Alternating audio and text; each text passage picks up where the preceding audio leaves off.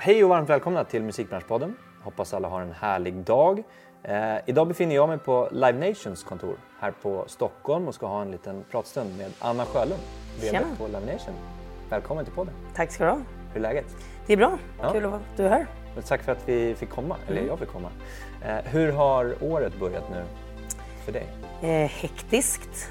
Eh, vi släpper en konsert med Eminem, As We Speak.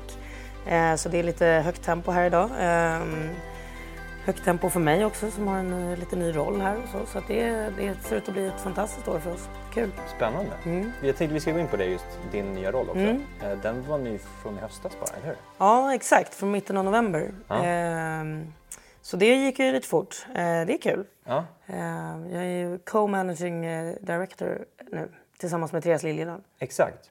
Och det var det jag tänkte gå in på just. Hur ser den här uppdelningen ut? Alltså, eh, co-directing, eh, men vd-roll är det vissa Ja, som säger också. Det är lite ovanligt. Ja. Eh, det är jättevanligt utomlands. Alltså, både i England och USA så är det jättevanligt med, med delat ledarskap. Vi har till exempel det i, i USA så har vi, eh, vi har ett delat ledarskap över den amerikanska konsertverksamheten. Eh, där är det lite annorlunda. Där är det uppdelat över eh, kan man säga mer regionmässigt. Eh, att man delar av det mot öst och västkusten men att de jobbar ihop. Här är det lite mer eh, verksamhetsmässigt. Eh, vi har ju velat, den här lösningen är en, en eh, verksamhetsbaserat vd-skap kan man säga. Där vi behåller delar av våra gamla roller. Jag har varit head promoter här i eh, ett antal år och vilket innebär att man är ansvarig för den internationella konsertverksamheten kan man säga. Internationella artister som spelar i Sverige och Norden. Eh, och den rollen kommer jag behålla. Eh, men jag kommer också då eh, vara ansvarig för de, eh, det som man kan lite sådär pretentiöst säga content. Eh, alltså de verksamheterna som är musiken, festivalerna, eh, vår agentursida, internationella avdelningen här som gör konserter med internationella akter. Eh, vi har ju Luger, eh, Sweden Rock. Alla de här verksamheterna som, som är content-drivna. Eh, Tessie kommer då från en annan sida. Hon kommer från eh, marketing och partnership. Eh, och ansvarar för det och kommer fortsätta som partnership director för Norden också. Så hon ansvarar för våra stora partnerskap, eh, eh, mediesamarbeten, eh, marknadsbitarna. Okej. Men det är ju övergripande roller. Sen har ju vi under, det här, det här är ett delat vetenskap där det är så vi delar upp det. Men, men vi gör ju det här tillsammans. Vi är ju ett team som, som driver bolaget och, eh, och har ju eh, starka eh, vd för de olika underverksamheterna eller, eh, eller avdelningschefer beroende på vilka. Hur många är ni som jobbar här i svenska Live Nation? Ja, alltså nu är vi ju... Eh, eftersom vi har fått ett eh, fantastiskt tillskott av Sweden Rock också i, i bolaget så att eh, nu börjar vi krypa upp på 130 ungefär. Härligt. Det är en ganska stor Mm. organisation ändå. Men eh, jag är ju jättenyfiken på, som du sa, det här med content Mm. och som vi nämnde, Eminem.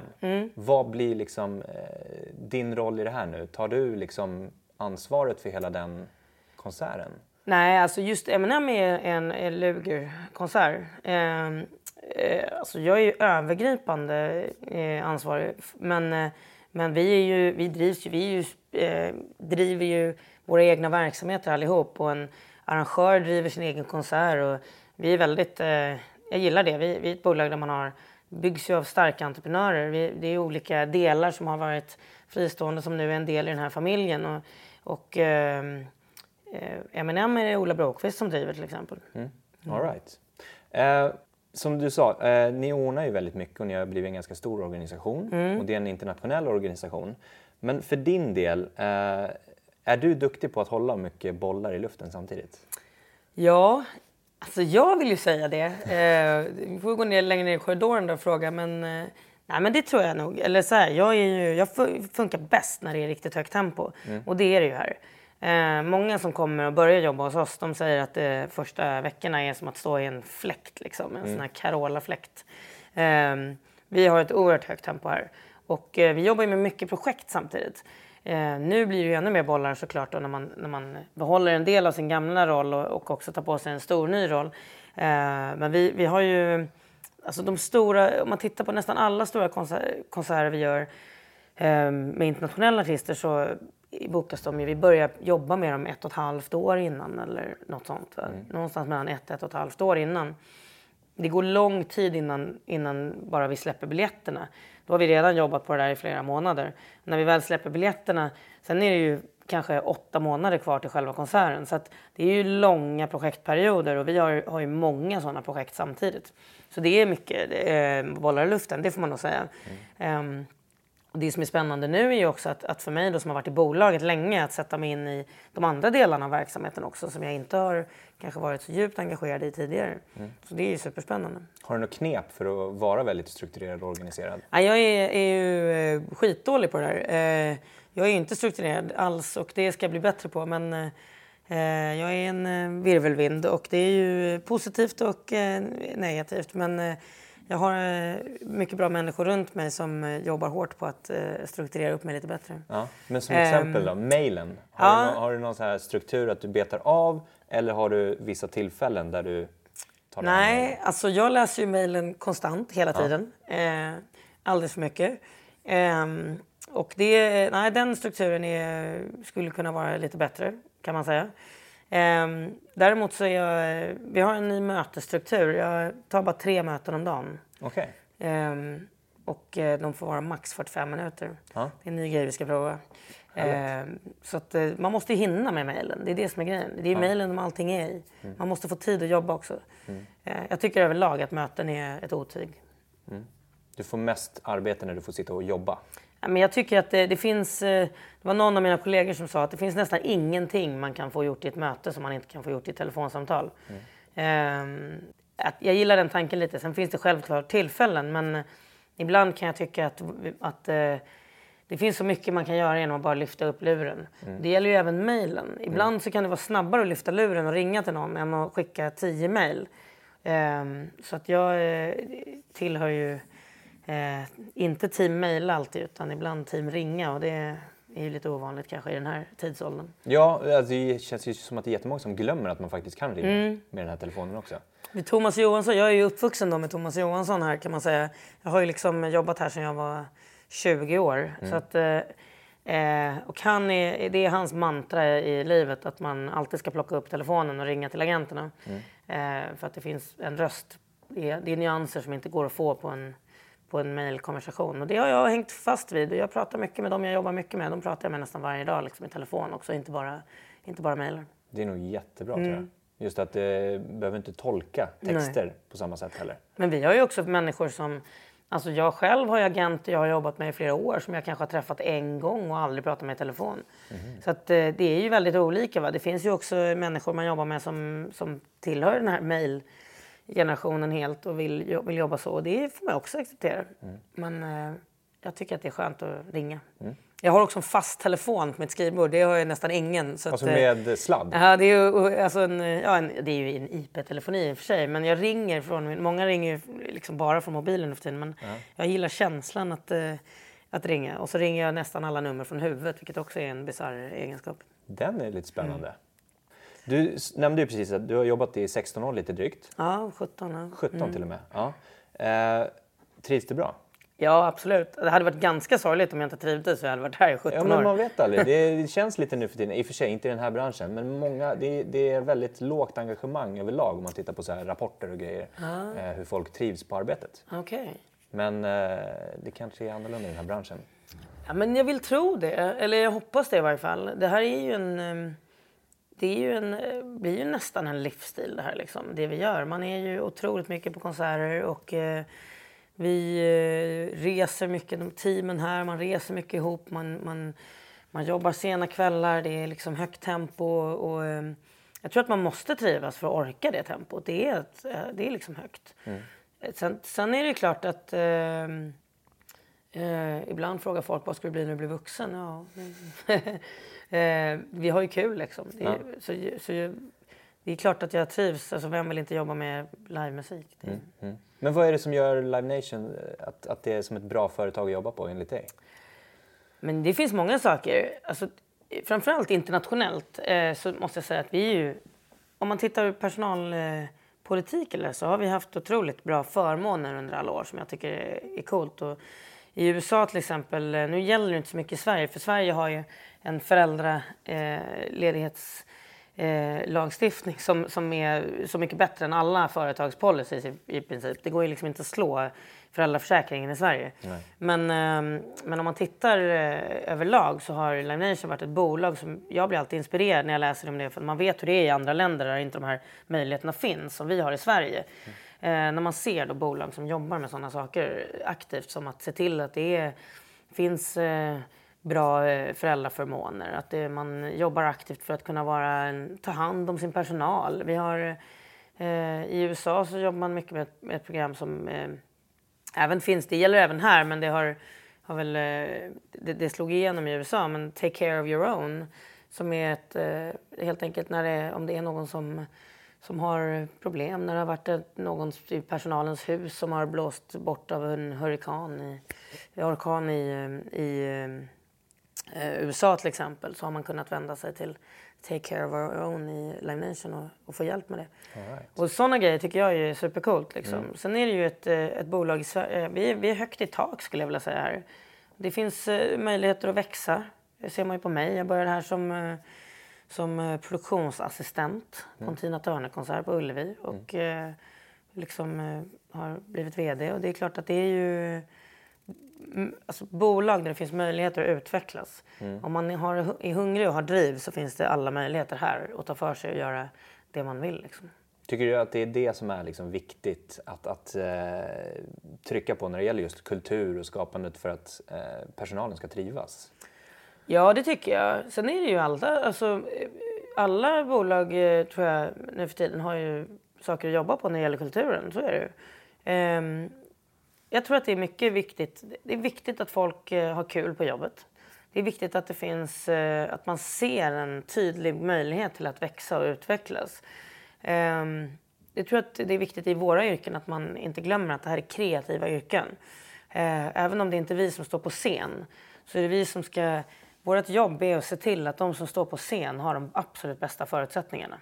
Ehm, vi måste skapa förutsättningar för att fler ska kunna eh, fler ska kunna spela på festivaler, fler ska kunna spela på egna gig. Eh, fler ska nå ut, fler svenska artister ska nå ut i, i resten av världen. Alla de här delarna det måste vi hjälpa till med. Mm. Och, och, det tänker jag att eh, för att man ska kunna vara kreativa och, och bidra till den biten av, av, branschen så måste man ha bra förutsättningar här. Man måste känna en flexibilitet och, och eh, känna att man får möjlighet att utvecklas. Mm. Hur peppar du dina team, alltså de anställda och agenterna? Har du några speciella... Eh, ja, alltså nu är det ju så att dels har vi ju... Jag har ju haft mitt team eh, ganska länge men jag har ju ganska nytt tagit över det eh, resten av, av, delen. Så att, eh, där får vi väl se lite. Är, man hittar ju sin roll nu liksom. Det är mm. ju de här första månaderna. Men eh, jag tycker att jag peppar genom eh, förtroende. Mm. Jag hoppas jag att man, de skulle svara också. Jag tror att eh, jag vill ha ganska stort förtroende för att eh, mina medarbetare gör det som förväntas och eh, att det finns förtroende för deras åsikter och känslor för om en artist är värd så här mycket eller så här mycket. Mm. Jag tror att jag eh, Eh, peppar genom att stötta och finnas tillgänglig. Eh, jag är alltid tillgänglig om det är någonting. Mm. Jag vill tro att jag alltid är tillgänglig för att eh, hjälpa, in, hjälpa till om det blir problem. Alltså en viktig del i vårt jobb är också problemlösning. Mm. Ehm, och, och, det eh, försöker jag alltid finnas och, och stötta. Jag tänker nu när du går in i den här nya rollen nu då, mm. eh, eller har gått in i den nya mm. rollen. Mm. Vad plockar du med dig från tidigare roller här på Live Nation? Jag har tänkt mycket på det där. Det är ju, eh, när man tar en roll som man inte har en erfarenhet av heller så är det lätt att man blir lite så här... Oj, hur ska det här gå? Man är en ny, ny tung, eh, tungt ok att bära. Eh, och då tänker jag alltid så här att eh, man är ju, har ju fått rollen för den man är. Mm.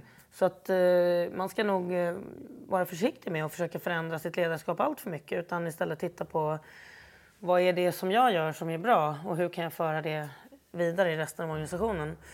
Um, och där tar jag med mig mycket erfarenheter, men jag tänker just um, att, att, verksamheten är det viktigaste. Mm. Uh, jag, jag, tycker att det är viktigt att se till att, som jag sa innan, att skapa förutsättningar för, för uh, kreatörer att vara kreatörer. Mm. Det vill jag jobba mycket med. Det är en erfarenhet som jag har känt från, från, vår, från den internationella konsertverksamheten. Att just eh, helt enkelt kratta runt så att de som ska göra det kreativa arbetet får det bra. Bra svar. Mm. Vilka utmaningar står du inför framöver nu då? Ja, eh, du menar för mig personligen Ja, eller för företaget? Nej, mig för dig personligen. Ja, tiden är en utmaning. Ja. Eh, tiden är min största utmaning. Tiden och jag är inte vänner. Eh, tiden och jag har, har svåra problem just nu. Ehm, Men det kanske blir Eh. bättre med det här tre mötes eh, Ja, exakt. Det är regeln. en del i det. Men, eh, nej, men det tror jag är... Utmaningen är alltid tiden. Eh, det blir mer och mer att göra. Eh, vårt eh, arbete som sådant är, är... Ju större och större produktionen det blir, desto större och större administration och större saker runt blir det. Ehm, det är en utmaning att hinna med eh, alla delar av, jobbet och det är en utmaning att få livet att fungera. Det berömda livspusslet ska man liksom inte glömma bort tycker jag. Det är en viktig del ehm, jag har två små barn till exempel. Ehm, så att det, ehm, det är en utmaning.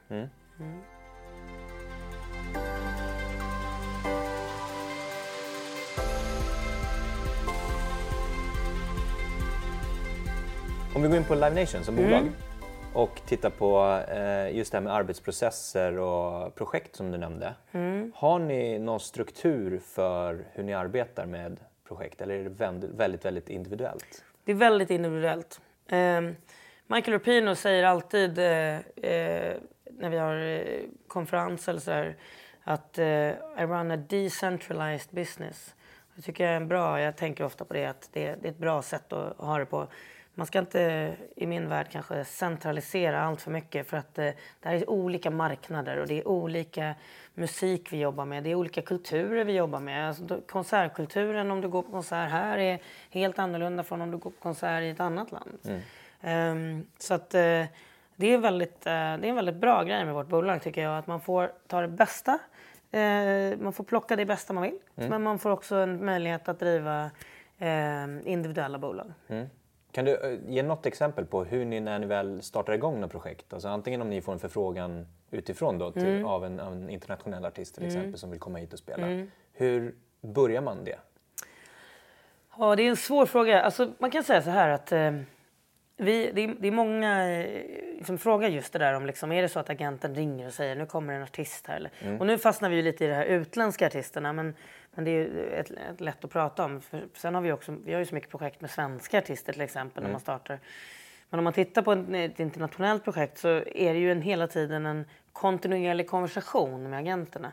Det är hela tiden en, så det är inte så här, ja nu, nu har vi det här projektet, varsågod. Utan Nej.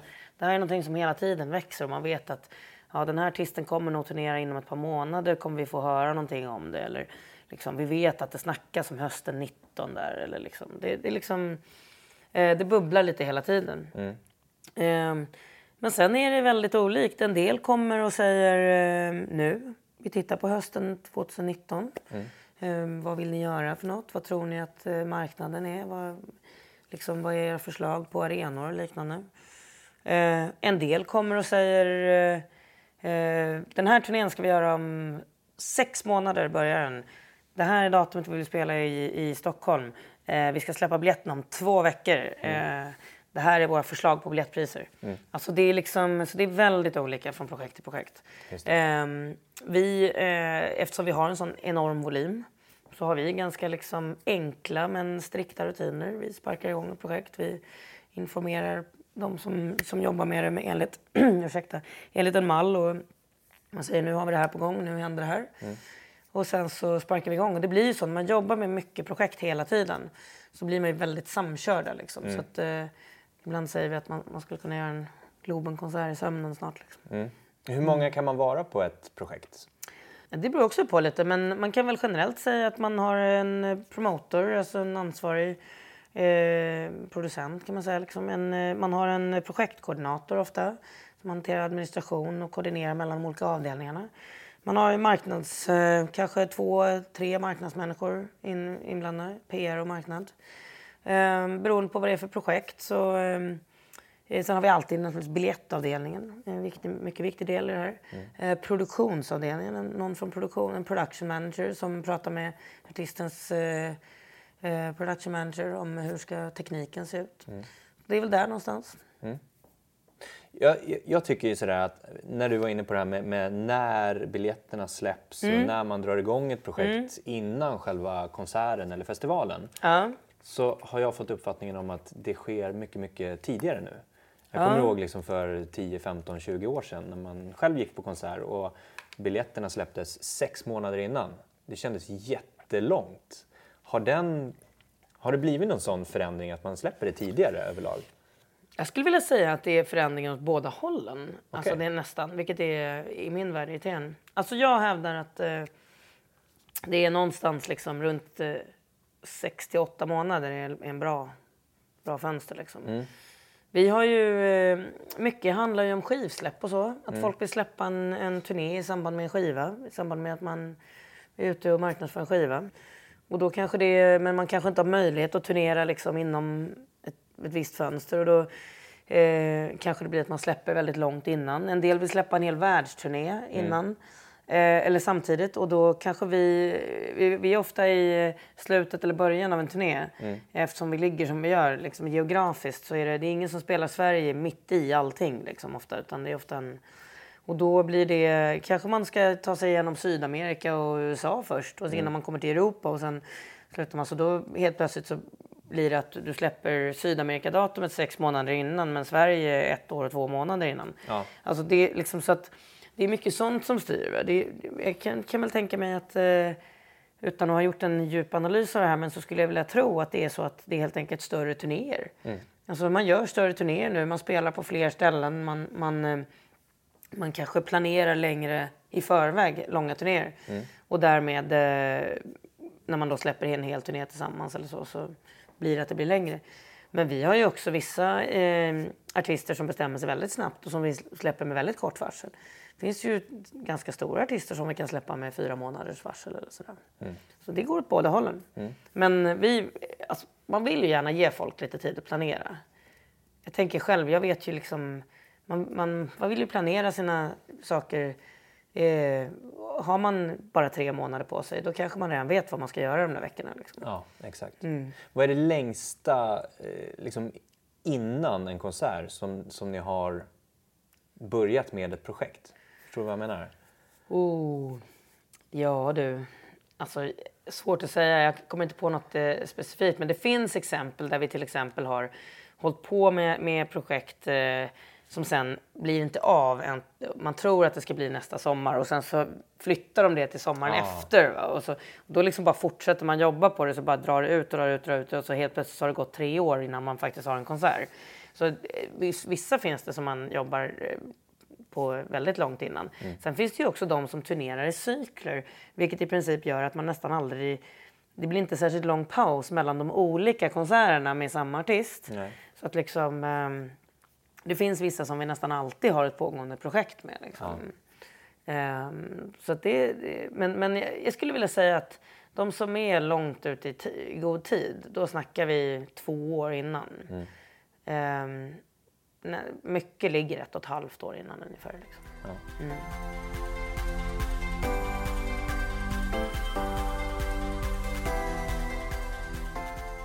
På Ullevi så spelade Foo Fighters Mm. förra året. Och visst var du ansvarig där? 15 spelar de va? 2015 Ja, var det till och exakt. med. Det är ju tusan eh, tre år sedan snart. Ja, det måste det vara. Eller, Ja. jag eller så är det 16. Ja, det var Det var fall... inte 17 i eh, varje fall, så nej, nej. mitt fel. Nej. För något år sedan då, några år sedan. Några år sedan säger vi. Eh, Men du var ansvarig där. Ja. Och det var ju den gången då Dave Grohl eh, ramlade av scenen och bröt Ja. benet. ja. Hur hanterar man en sån sak? Ja, eh, det, ja, det är ju learn as you go. Eh, det var ju en helt eh, sinnessjuk upplevelse på många sätt. Eh, I efterhand så, så kan man säga att det var... Det ju, man har ju fruktansvärd medkänsla för honom och bandet och som fick ställa in en massa, eh, massa spelningar efteråt. Och det är ju skittråkigt för alla arrangörer och liksom allting.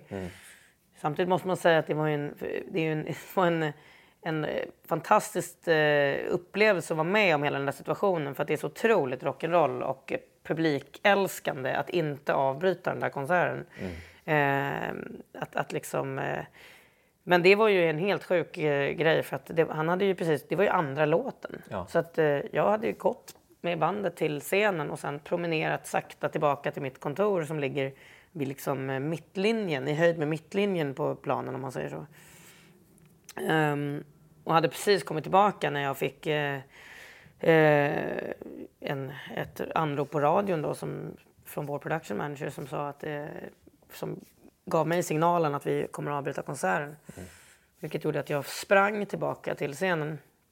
Eh, sista gången jag någonsin har boots med lite klack på, eh, på en stor konsert kan jag säga. Ehm, och det... Eh, nej men det var ju en, eh, en jävla situation. Liksom. Vi hade ju ett flyt. Vi hade f- medicinsk personal precis där som, som kunde agera och som eh, när han bestämde sig för att han ville upp på scen igen. Han ville inte avbryta. Så att det var en sån där eh, once in a lifetime situation där man eh, helt enkelt eh, kom fram till en eh, lösning om hur han skulle kunna fortsätta konserten.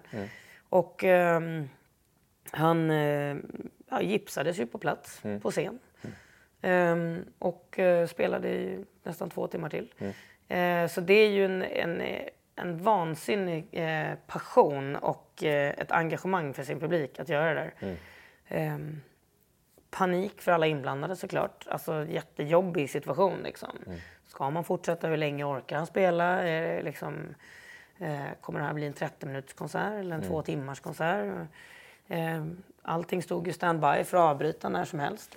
Så att, eh, ja, det var en upplevelse men eh, fantastiskt engagemang att han, att han gjorde det. Men, men eh, man måste ju hålla en ganska nära eh, konversation också och kommunicera med artist och deras team kring vad ni vill göra men samtidigt vara väldigt standby och, och beredd på alla scenarion som du sa.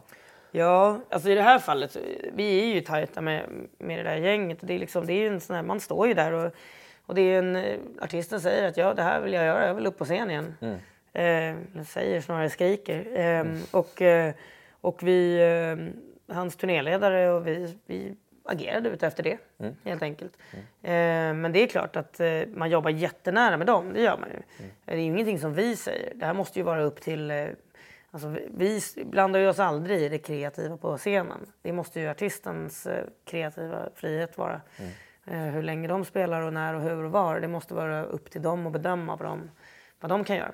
Så det finns ingen press från oss i det här läget. Utan eh, vi är måna om att, eh, att artisten ska naturligtvis vara hel och må bra. Men, eh, men när han kände att han kunde, ville hitta en lösning så vill vi ju naturligtvis hjälpa till. Och det gjorde vi. Vi hade ju en, en effektiv organisation som, som kunde få honom upp på scen igen. Så det är ju bra.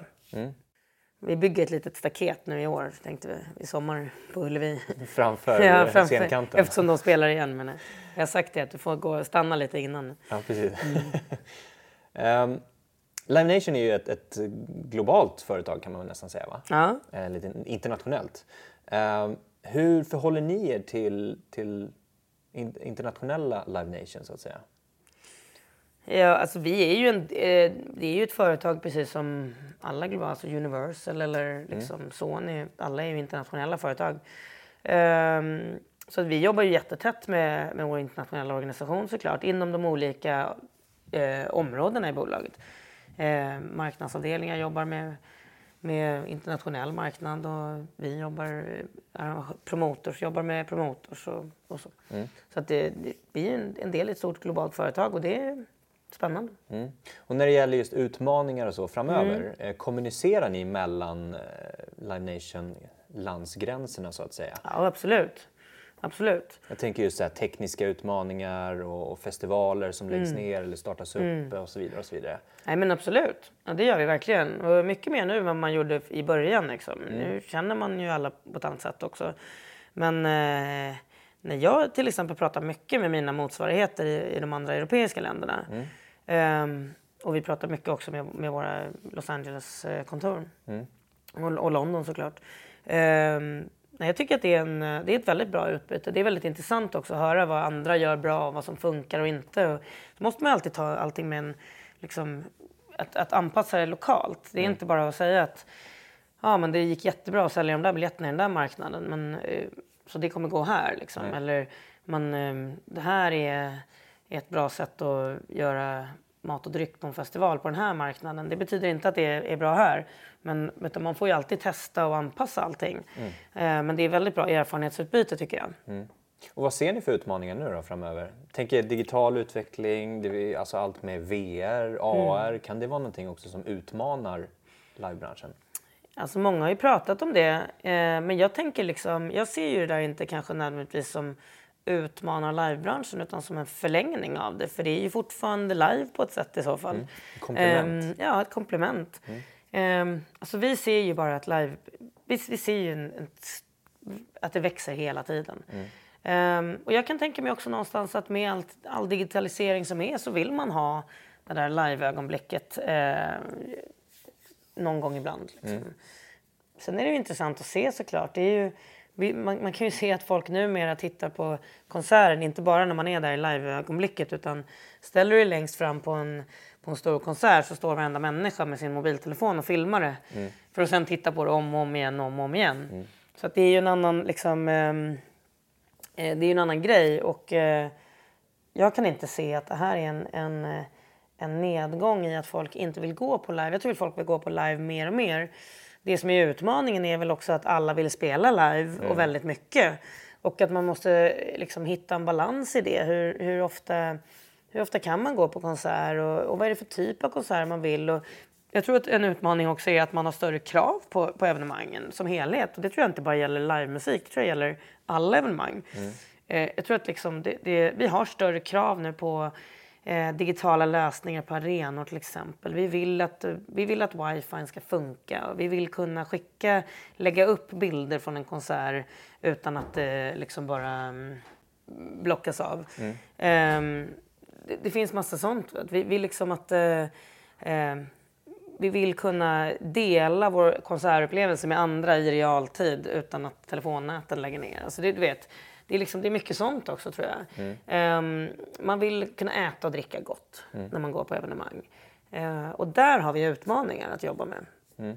Att, att, utveckla de bitarna. Mm. Göra lite, liksom modernisera och göra det ännu bättre upplevelse från det att du köper biljetten tills du går hem. Eller till och med tills en månad efter giget kanske. Du var inne på det just det här att det går väldigt bra för livebranschen. Mm. Och det ser man ju på Musiksveriges eh, rapport. Mm. Eh, och, eh, men det stämmer enligt er uppfattning också? Ja. Att det går bra? Ja, det går bra. Det, det, det blir större konserter också kan man ju se. Eh, det blir, alltså, I och med de här byggena av arenorna, mm. alltså Friends, eh, Tele2 mm. till exempel. Att man, man fyller verkligen dem och att om man bara tänker pengamässigt eh, och siffrorna så, så, bidrar ju de väldigt mycket med att det, det, det, ser väldigt bra ut. Ja, alltså...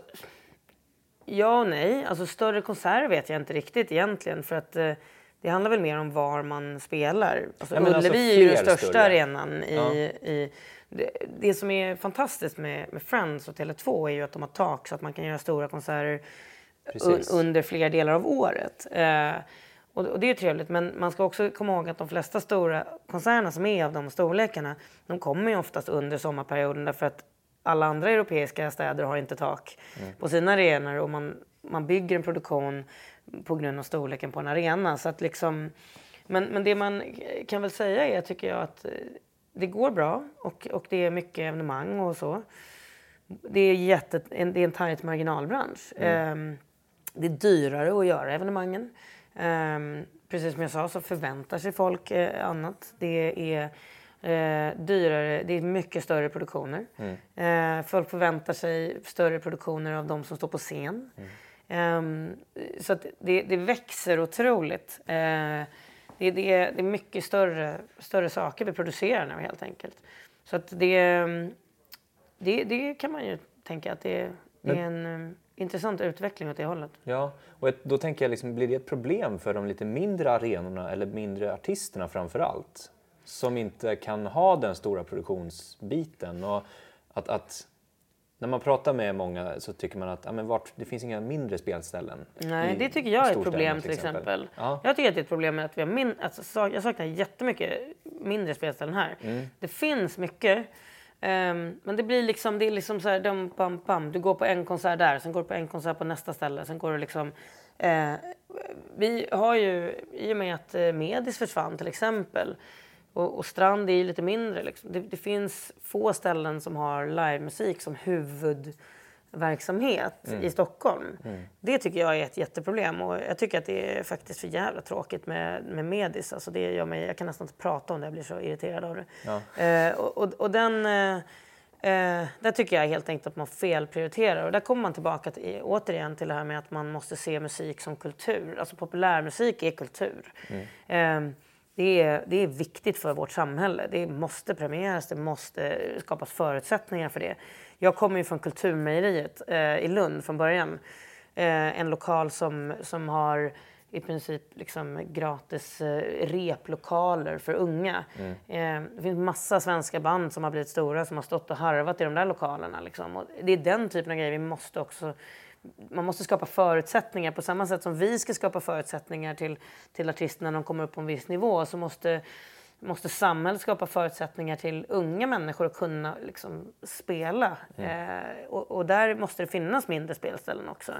Och det måste finnas eldsjälar som som, eh, som brinner för det här och som, som håller igång det, för det är inte lätt. Det måste finnas musikföreningar och jag vet inte hur många musikföreningar jag känner till som, som konkar efter ett tag för att det är svårt. Det, det, är svårt. Mm. Eh, så det tror, jag, det, det, tror jag är en jätteviktig grej. Eh, sen tror jag att man inte har samma för... Alltså det är ju ingen som, som går på Debaser Medis eller KB eller Kulturmejeriet eller Mejeriet säger man ju alltså, Det är ju ingen som, som uh, går på de ställena och förväntar sig en produktion som du gör av någon du ska se på Friends Arena. Nej. Så att det där liksom, det följer med storleken på något vis. Och det beror ju också på vad man är för band. Är det en popartist så kanske man förväntar sig en större produktion. Är det, liksom, är det Bruce Springsteen så vet man att fokuset är på Bruce E Street Band. Liksom. Då är det kanske inte stora rörliga saker som, som händer. Liksom. Nej. Så att det beror ju på vad man är för band helt enkelt tycker jag. Mm. Mm. Jag tänkte vi ska gå in på ämnet metoo och eh, musiken tystnar. Mm. Som vi gärna vill lyfta i podden här. Eh, och hur ni kan vara med och påverka, eller framförallt hur du också som ledare kan vara med och påverka kring den här frågan. Mm. Det är ju en oerhört viktig fråga och jag tror att eh, alltså det här är ju en... en eh, metoo har ju, har ju skapat en, eh, ett samhällsklimat som är, är på ett sätt... Det är fruktansvärt allt det som kommer upp. Det är fantastiskt att se vad följderna blir. Att, eh, att se hur, hur folk förändrar sitt tankesätt och hur man plötsligt tänker på vad man säger och, och gör på ett positivt sätt. Eh, det, är ju, det är samtidigt så väldigt polariserat. Jag, pratade med en, en kompis igår som berättade att, eh, om hennes nioåriga, eh, tioåriga dotter som eh, det var någon på en skola, en liten kille som hade gjort någonting och då hade de sagt att nej, så där gör man inte nu efter metoo. Och det tycker jag är fantastiskt. Alltså coolt att, att en tioårig tjej säger att det där är inte okej. Okay, mm. För det här har vi lärt oss nu. Eh, det här tar inte vi. Och så går man till, till, till en lärare. Det är, det är grymt. Det är liksom... Eh, det tänker jag är en bra framtid för, för mina döttrar. Um, samtidigt var jag på en konsert, jag var, såg Bruce Springsteen i, i uh, New York i helgen och uh, var, där var det ett par män i 45-årsåldern som vi hälsade på varandra när man skulle flytta liksom, på dem och gå in i raden och sätta sig ner och då så sa de direkt oh förlåt nu sa vi hej det kanske vi inte får nu i metoo-tider. Mm. Eh, och så tänker man men liksom gå och dra något gammalt över dig gubbe liksom. Mm. Alltså det är, så att, det är ju fortfarande så att att det finns en, jag tror att i storstäder i liksom en, viss, eh, en viss kultur så har det här verkligen eh, fäst. Men det finns mycket kvar att göra, det är tydligt. Det finns jättemycket kvar att göra. Och där tror jag att man måste liksom, jag tror att man måste prata om det. Man måste prata om det på företagen, man måste prata om det i, i, eh, i, i branschen och våga säga att det här, den här miljön vill vi ha. Mm. Det här är inte okej.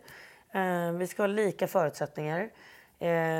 det finns liksom beteenden i hela samhället som vi inte längre accepterar helt enkelt. Det här är slut nu. Man får bara se det som ett före och efter. Mm. Eh, jag tror också man ska blicka framåt. Eh, jag tror att fokus måste vara att, att blicka framåt nu och se vad, hur, hur agerar vi framåt? Hur ska vi vara mot varandra?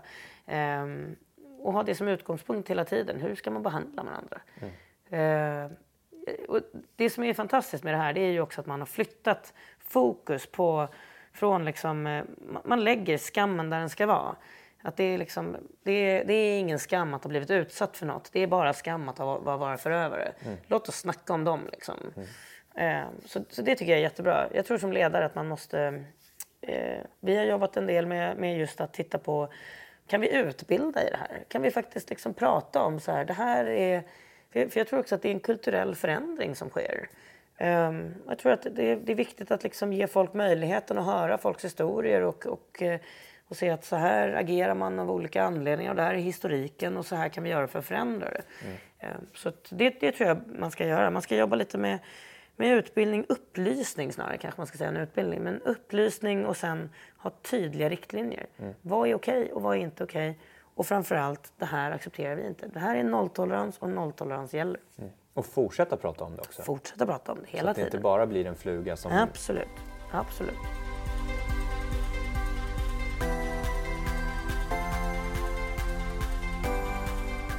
Jag tänkte vi ska gå in på lite tips och råd också. Mm.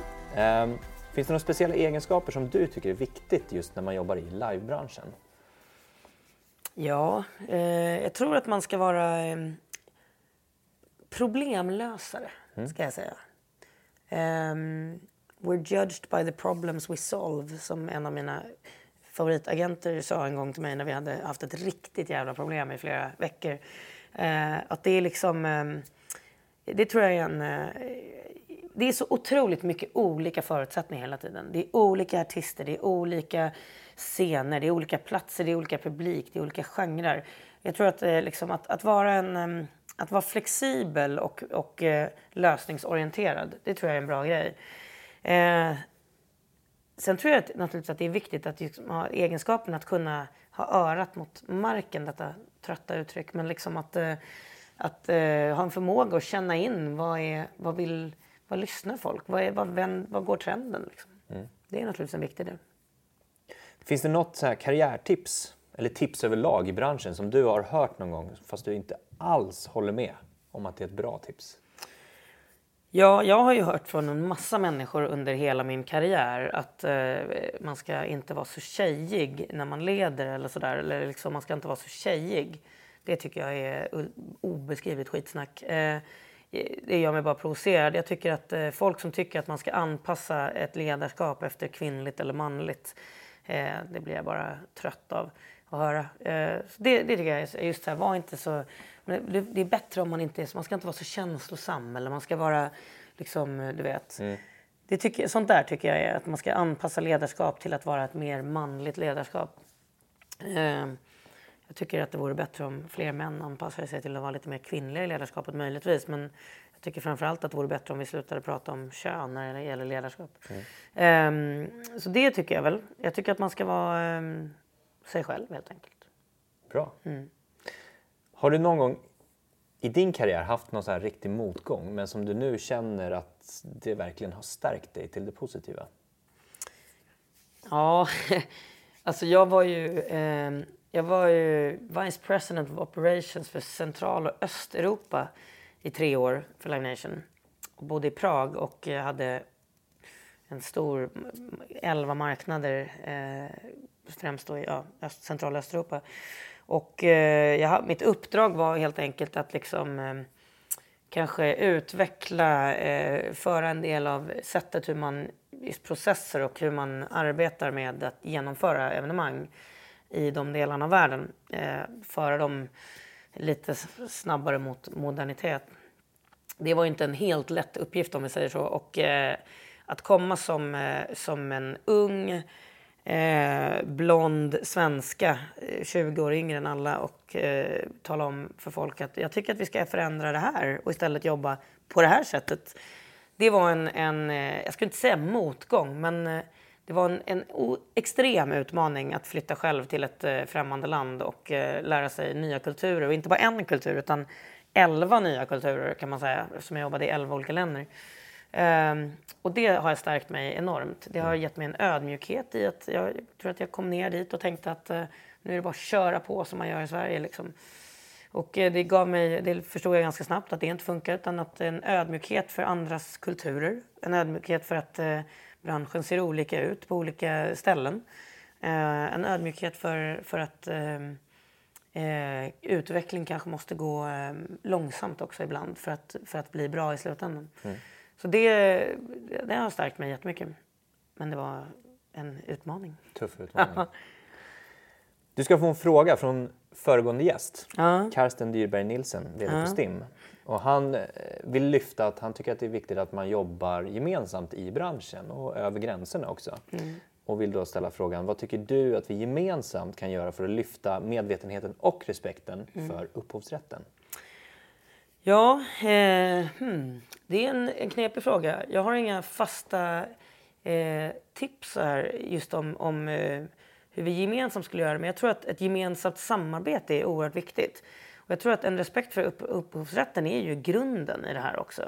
Eh, alltså vi, måste ju, vi måste ta hand om våra artister och låtskrivare och producenter och se till att man, man, eh, man kan leva på det här. Precis på samma sätt som vi måste se till att, att vi har bra förutsättningar från början för att, de ska kunna, för att man ska skapa bra låtskrivare och, och eh, artister och producenter. Och där tror jag att det är, är viktigt att man, eh, att man vågar jobba tillsammans helt enkelt.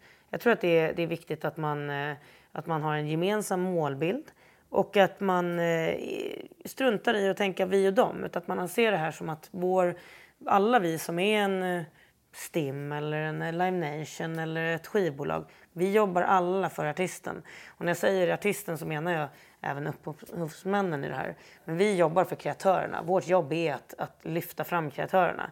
Och jag tror att gör vi ett tillräckligt bra jobb för att lyfta fram kreatörerna och ge dem de bästa förutsättningarna, både ekonomiskt och, eh, och organisatoriskt, så tror jag att, eh, att, eh, att det löser sig. Och, sen, och det gäller även samarbeten med till exempel eh, de digitala streamingtjänsterna eller liknande. Du ska få ställa en fråga till nästa gäst också. Vad skulle Ja. du vilja ställa för fråga då? Min fråga blir så här.